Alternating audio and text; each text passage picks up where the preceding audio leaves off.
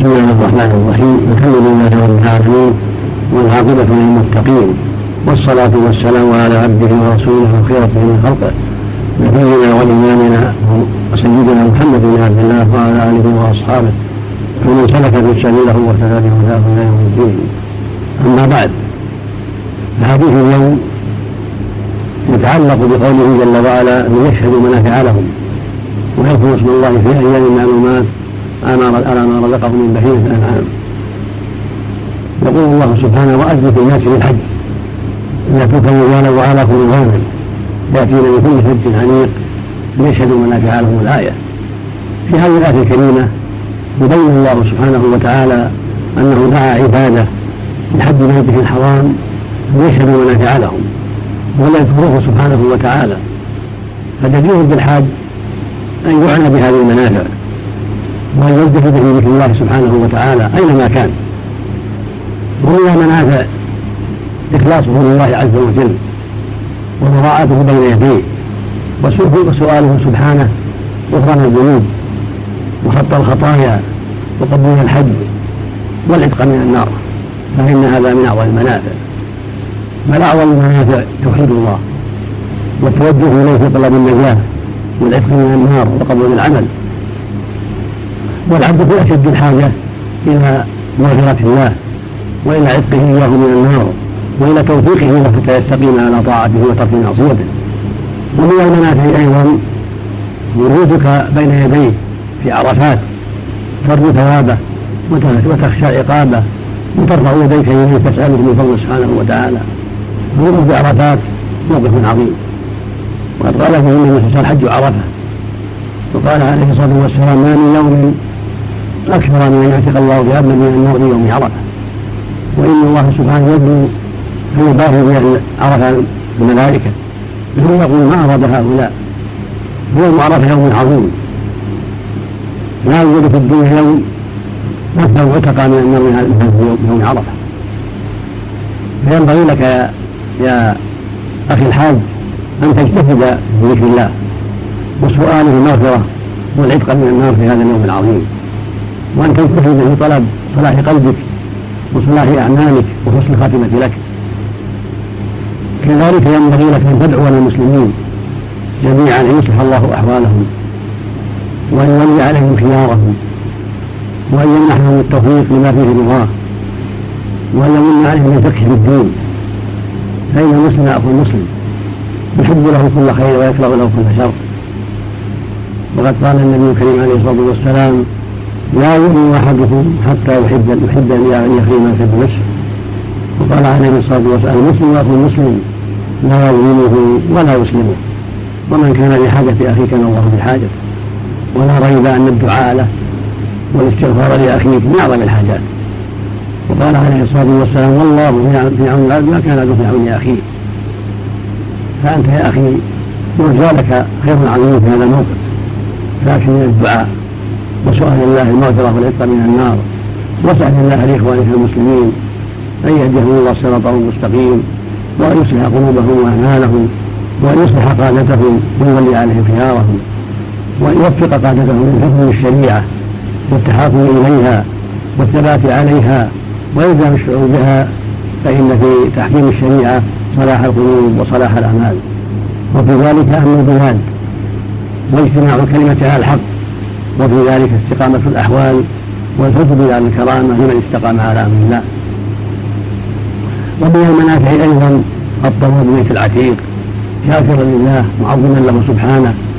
راجيا فضله وخالفا العقاب سبحانه وتعالى. تطوف به العتيق. وتذكره كثيرا. وتسأله من فضله عز وجل. وترجوه المغفرة والعتق من النار. وهذا من أعظم المنافع. وهكذا تقديم الحجر الأسود. واستلامه والتكبير عنده واستلام الركن اليماني والتكبير عنده عند استلامه كل هذا من المنافع. وهكذا الإكثار من الدعاء في الطواف والإكثار من الدعاء في السعي والإكثار من الذكر كله من المنافع. فينبغي لك يا أخي في طوافك وسعيك أن تكثر من ذكر الله. ومن سؤاله فضله وإحسانه وسؤاله المغفرة والعتق من النار. وكان النبي صلى الله عليه وسلم طواف يقول في آخر كل شوط ربنا آتنا في الدنيا حسنة وفي الآخرة حسنة وقنا عذاب النار. فطوافك بهذا البيت العظيم وسائل من الصلاه والمروه من أكبر المنافع ومن أعظم المنافع أحمد الله على ذلك. واساله القبول والمغفره واجتهد على الطواف والسعي في الدعوات النافعة. اذكر ربك كثيرا. واساله فضله ان يصلح قلبك. ويثبته على الإيمان. ويغفر ذنوبك. ويصلح أحوال إخوانك المسلمين. ويولي عليهم خيارهم. ويصلح قادتهم كل هذا من أعظم المنافع. وهكذا الصلاة عند مقام إبراهيم كون تصلي ركعتين بعد الطواف هو من المنافع أيضا. وهكذا نحو الهدايا في منى نحو الهدايا في منى من أعظم المنافع.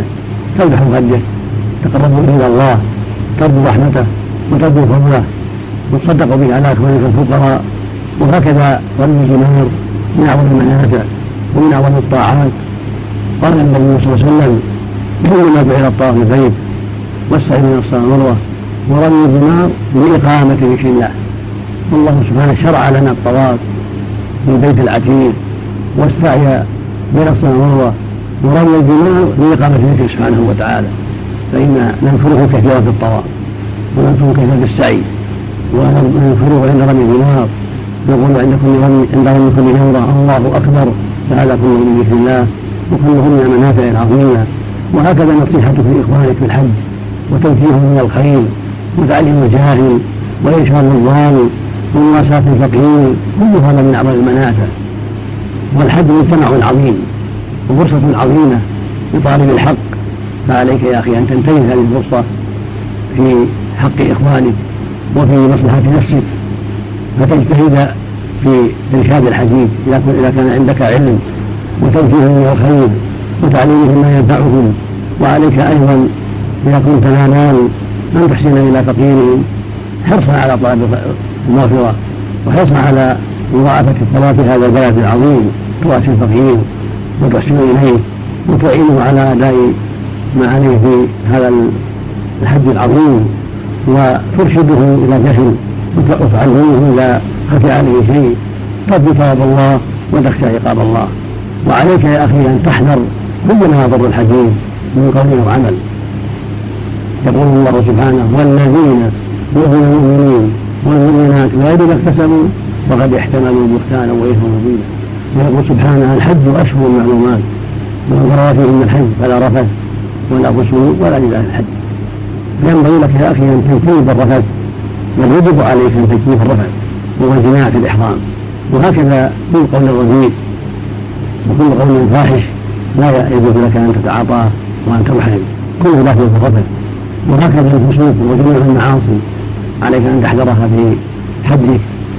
فلا تؤذي احدا من الحديث. لا بقول ولا بعمل لا في الطواف ولا في السعي ولا في رمي الثمار ولا في أي مكان ولا في أي مشعر. تحرص على الإحسان والنفع والتوجيه الخير وتحذر كل ما يضر. وعليك أن تجتنب أيضا كل ما يسيء إلى سمعة هذا هذا الموسم العظيم وكنا ننفر من حضوره من مظاهرات صاخبة من اجتماعات مريبة من مكافآت بدعوة لقوم أو على قوم. كل ذلك ينافي كمال هذا الموسم وكمال ما فيه من الخير وينافي ما يطلب فيه من الأمن والهدوء.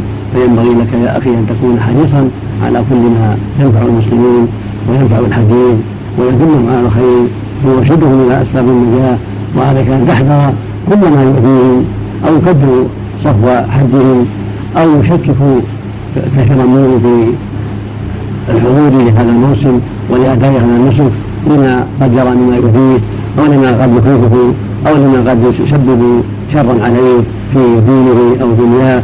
فعليك يا أخي أن تحذر كل ما يسيء الحديث وكل ما يؤذيهم وعليك أن تحرص على كل ما ينفع الحديث وينفعه في الدنيا والآخرة. اسال الله باسمائه الحسنى وصفاته العلى أن يوفق المسلمين بما فيه رضاه وأن يصلح أحوالهم وأن يولي عليهم خيارهم وأن يوفق الحديث لاداء مناسكهم على وجه الذي يرضيه وأن يعينهم على ذكره وشكره وحسن عبادته وأن يوفق ولاة الأمور في هذه البلاد بكل ما فيه رضاه ولكل ما فيه صلاح العباد والبلاد ولكل ما فيه إعانة إخوان الحكيم. على أداء مناسكهم على خير حال. إنه سبحانه وتعالى جواد كريم وصلى الله وسلم على عبده ورسوله نبينا محمد وعلى آله وأصحابه وأتباعه بإحسان.